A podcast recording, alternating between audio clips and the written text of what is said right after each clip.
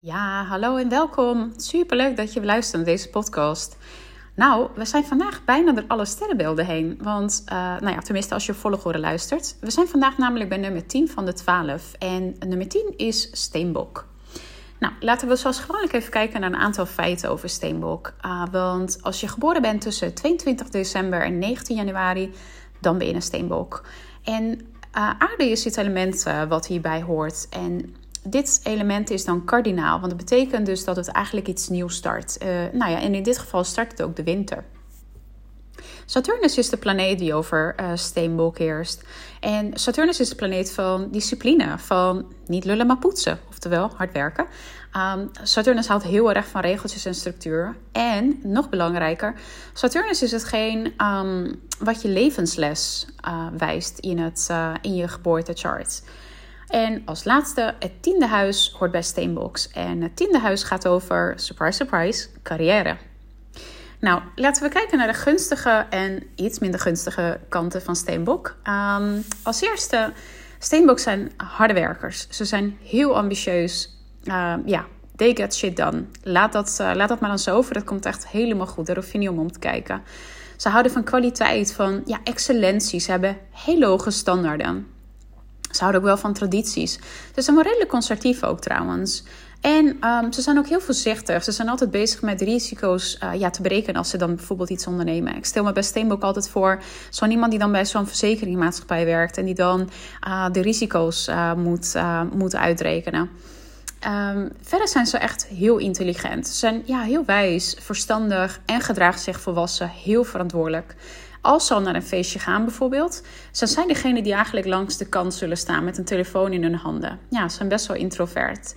Maar daarentegen hebben ze echt wel ja, een heerlijke droge humor. Nou, althans, ik hou ervan.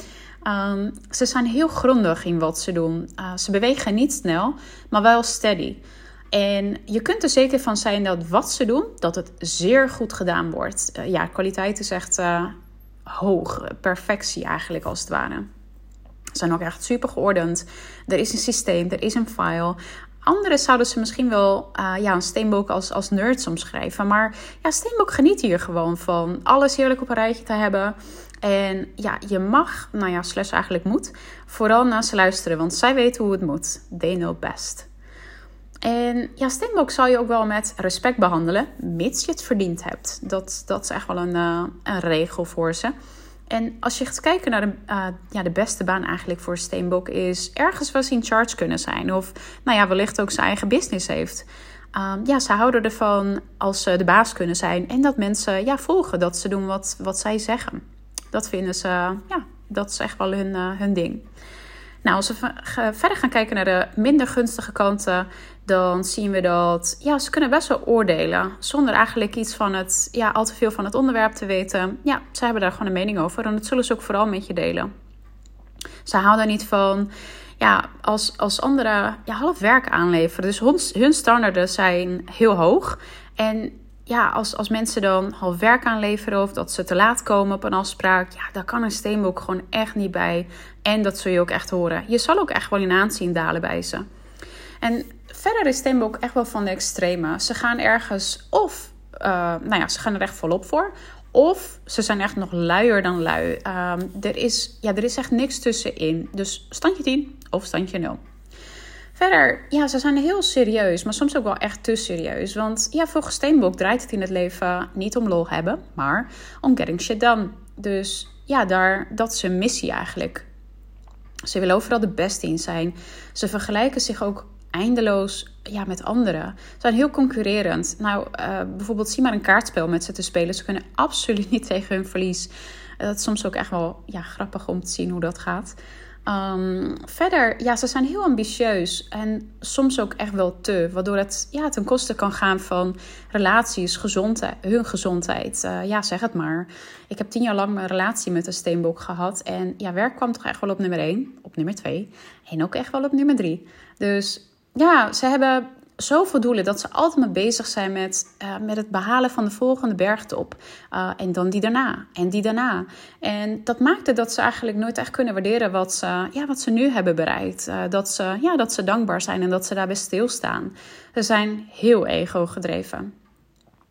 En ja, verder willen ze ook echt wel ja, hun gelijk halen. Uh, of tenminste, ze hebben graag gelijk. Of ze willen heel graag hun gelijk halen. En mm, soms zullen ze ook wel het verhaal verdraaien en laten lijken alsof het jouw fout was. Als, ja, zolang ze maar hun gelijk hebben, linksom of rechtsom. En als laatste, ze willen heel graag ja, de controle. Ze zijn er heilig van overtuigd dat hun manier de beste manier is, maar ook de enige manier is. Dus als je een steen wil overtuigen dat jouw manier wellicht ja, handiger kan zijn, nou, ik wens je veel succes. Nou, dit waren het kort uh, de kenmerken over steenbok. En uh, oh ja, ik bedacht me net even iets. Want als je zon in het tiende huis valt, dan ben je vaak, maar niet altijd, uh, een laadbloeier. En dat is niet per se iets heel slechts of zo. Maar ja, tot nu toe, de personen die ik eigenlijk heb ontmoet, um, ja, die ervaren eigenlijk dit als zo'n gevoel van ja, dat ze eigenlijk achterlopen op anderen. Dat ze ja, in het leven eigenlijk ja, dat, dat ze laat zijn. En dat ze zich afvragen, ja, nee, komt het goed met mij? En uh, ja, dus dat wilde ik je even meegeven. Um, dit, ja, dit hoeft niet per se uiteraard iets slechts te zijn. Maar ja, als ik zie in een chart uh, dat, dat het zonnetje in de tiende huis zit... dan is 9 van de 10 keer, ja, voelt diegene zich ook echt wel een laadbloeier.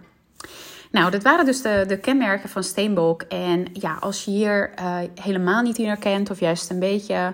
Nou ja, zoals ik wel vaker zeg, die chart is natuurlijk, um, ja, heeft veel meer informatie dan alleen uh, waar je zon uh, in zit. Dus ja, het is helemaal niet zo gek als je je niet in herkent. Dat kan namelijk komen bijvoorbeeld waar, ja, door het zonnetje waar het huis zich in bevindt. wat natuurlijk een sterke invloed heeft op hoe steenbok zich uit. En als je juist je wel in herkent, maar je zon, maan of ascendant zit dan niet in steenbok, dan heb je wellicht een aantal planeten die zich in het tiende huis bevinden. En nou ja, tiende huis hoort dus bij steenbok. Nou, en als laatste vanuit mijn eigen ervaring, ik heb Mars in Steenbok. En Mars gaat dus over de mannelijke energie, hoe je actie onderneemt. En dit houdt in dus bij mij dat ja, heel doelgericht ben. Ik ben heel gefocust en ik ben absoluut niet vies van hard werken.